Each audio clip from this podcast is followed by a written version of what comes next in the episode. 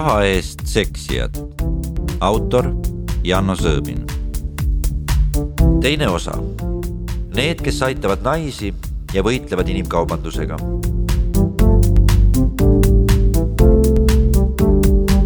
millised kannatused ja tagajärjed kaasnevad seksitööga? kui lihtne on neid naisi aidata?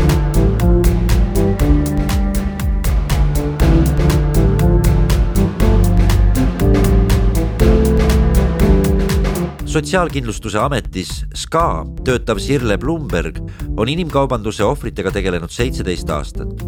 Ladina-Ameerika riikidest pärit naised on ühed paljudest, keda on tulnud SKA ohvriabi töötajatel nõustada.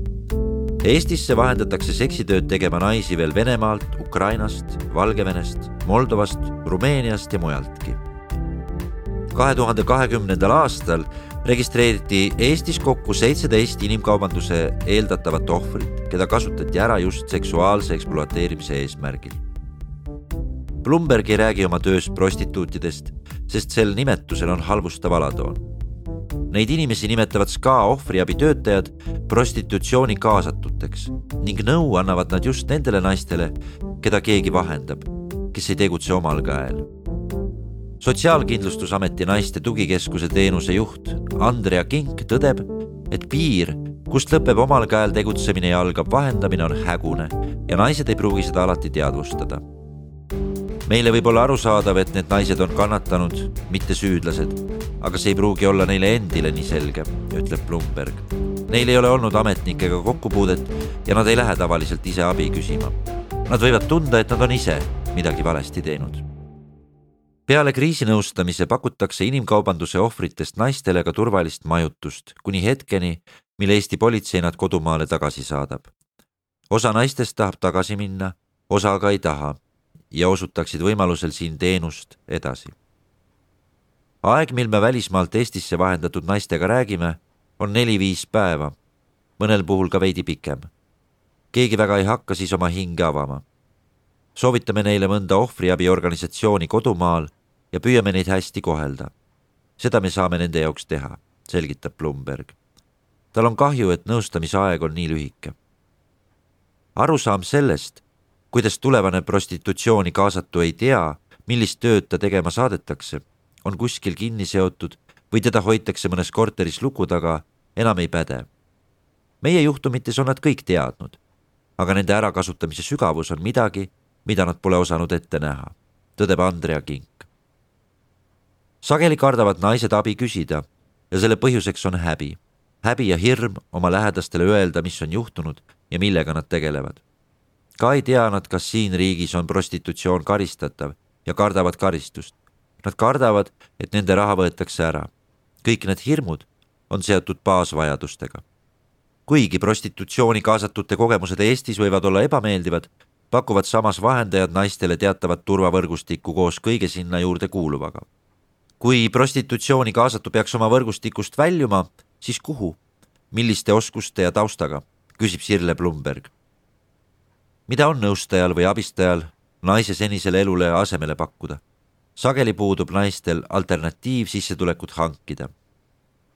meie esimeses vestluses ütleb Sirle Blumberg, et inimkaubanduses ära kasutatud naised ei jõua enamasti Eestis nõustamisele vägistatuna, läbipekstuna.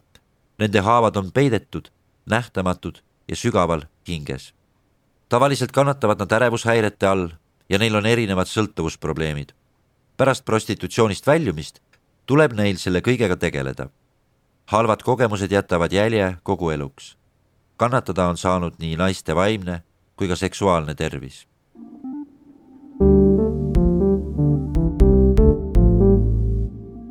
Eda Mölder on hariduselt psühhoterapeut, prostitutsiooni kaasatute nõustaja alates kahe tuhande viiendast aastast ja ühtlasi mittetulundusühingu Eluliin juht. et olla abivajajatele lähedal, nõustab Eluliin igal aastal Eesti eri paigus sadu prostitutsioonis just omal käel ilma vahendajateta tegutsevaid naisi.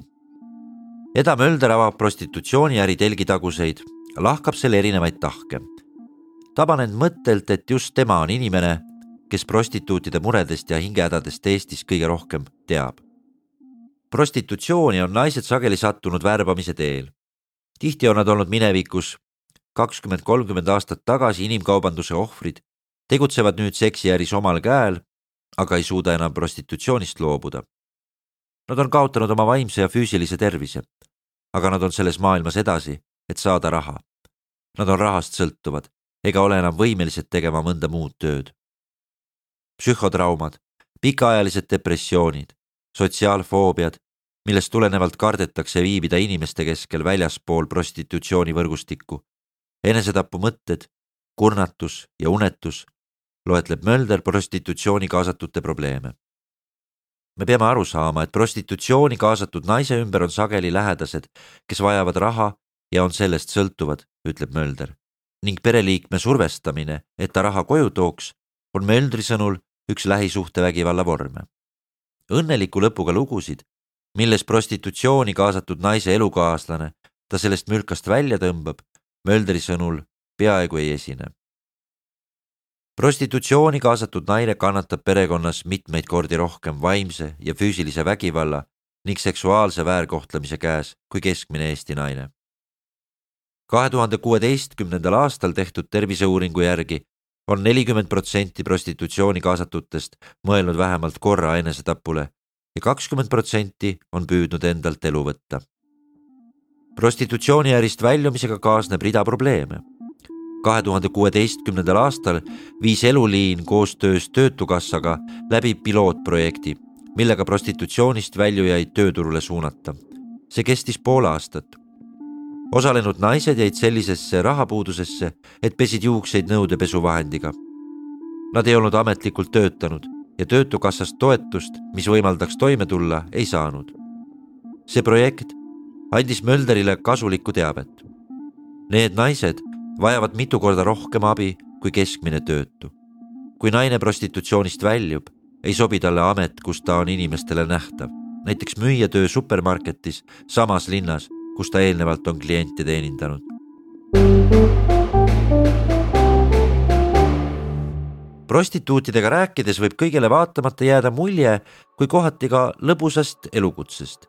ent tegelikkus on Mölderi sõnul palju argisem ja kurvem. me nõustame näiteks naisi, kel tuleb hooldada oma täiskasvanuid puudega lapsi.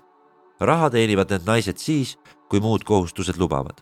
Nad on nii-öelda vabakutselised Mölder teab, et seksiostjaid ei saa ühte patta panna. on inimesed, kes vajavad midagi oma ellu, tarbivad seksuaalteenuseid ja siis mingil hetkel seda enam ei tee.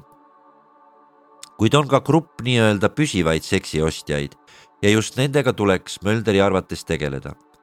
teavitada, et nad saaksid aru oma soovide juriidilistest aspektidest. osa neist tahavad olla vägivaldsed, agressiivsed, mõjuda jõuliselt ja pressida näiteks seksi välja ilma rahata kuigi minu intervjueeritavad prostituudid ütlesid, et agressiivsed kliendid on pigem harv nähtus, teab Mölder, et nendest politseid reeglina lihtsalt ei teavitata. naisele on löödud rusikaga näkku või ähvardatud teda noaga. kui on vaja, aitame me ka politseisse pöörduda ja hiljem oleme toeks kohtuasjas.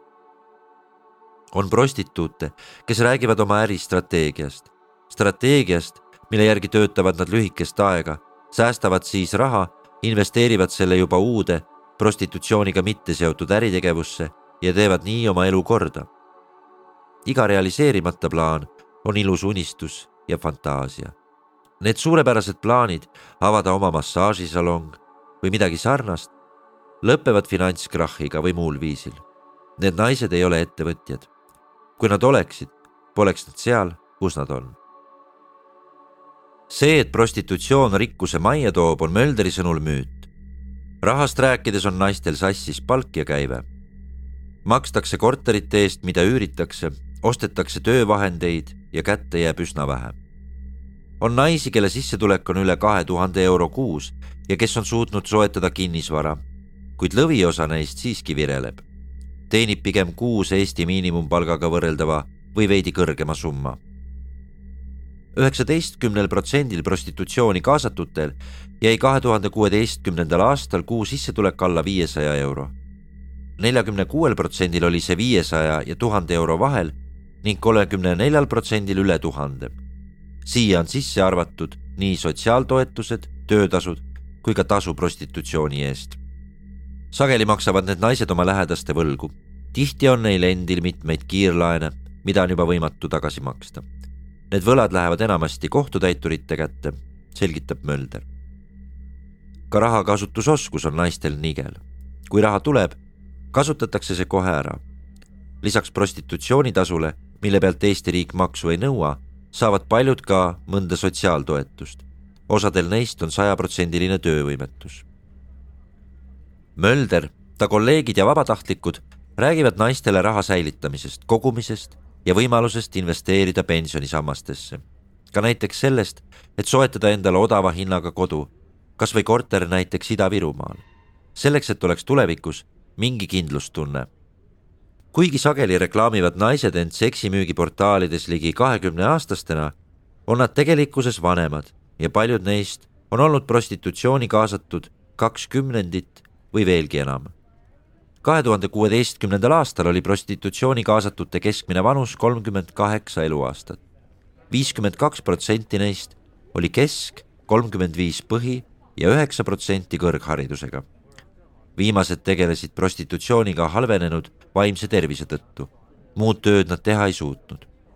seitsekümmend kuus protsenti prostitutsiooni kaasatutest olid vene, seitseteist eesti ja kuus ukrainakeelsed kuid tollal polnud uuringus kirjas veel kolmandate riikide kodanikke.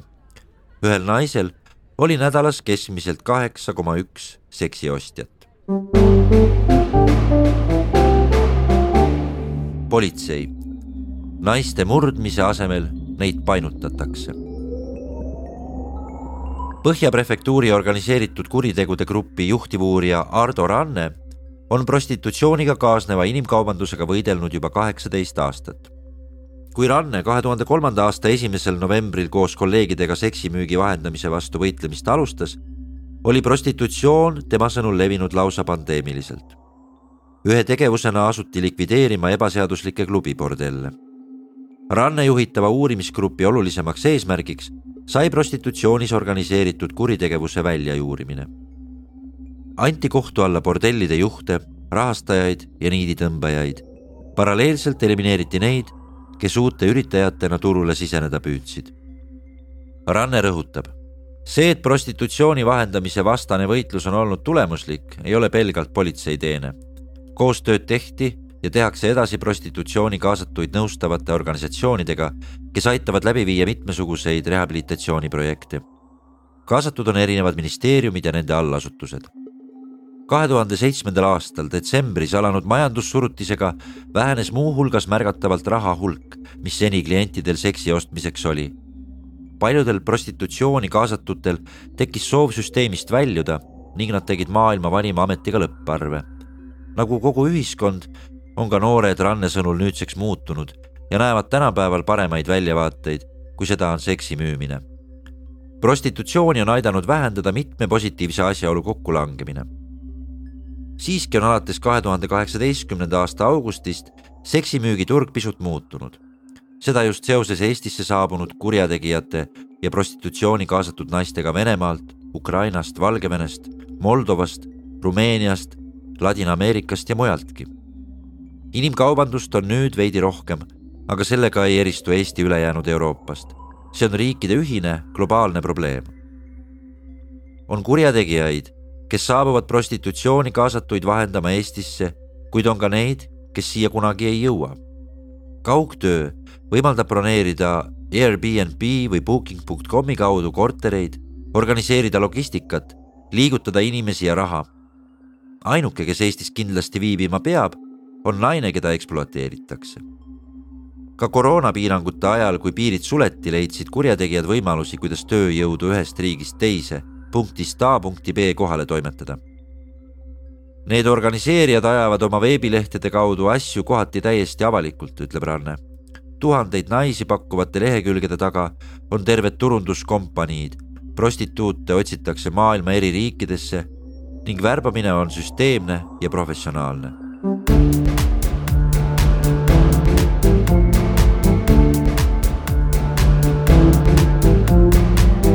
vägivalda esineb prostitutsiooni kaasatud naiste vastu kahesugust, juriidilises keeles painutamist ja murdmist. esimest iseloomustavad leebed viisid. rahaliste hüvede pakkumine, pettus, naiste haavatavuse ärakasutamine. teisel juhul on tegu otsese füüsilise vägivallaga, et seda esineb tänapäeval harva. küll aga on värbajad mõjutegevuses vilunud ja saavutavad oma eesmärgi. Ranne sirvib oma märkmeid ja loetleb. Prostitutsiooni sisenemist mõjutavad enim pooleli jäänud haridus, elukutse puudumine, suutmatus end tööturul müüa, lapsepõlves kogetud vägivald, varane seksuaalelu, vägistamised, sõltuvus alkoholist, narkootikumidest ja nii edasi. probleemiks on saanud peresisene kupeldamine.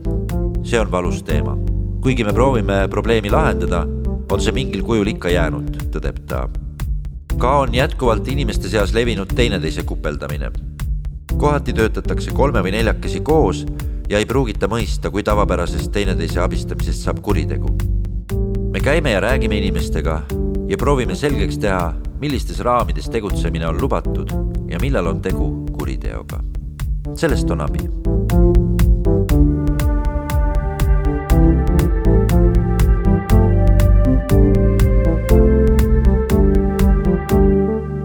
Autor Janno Sõõbin, luges Indrek Ojari helikujundus ja originaalmuusika Janek Murd. Levila kaks tuhat kakskümmend üks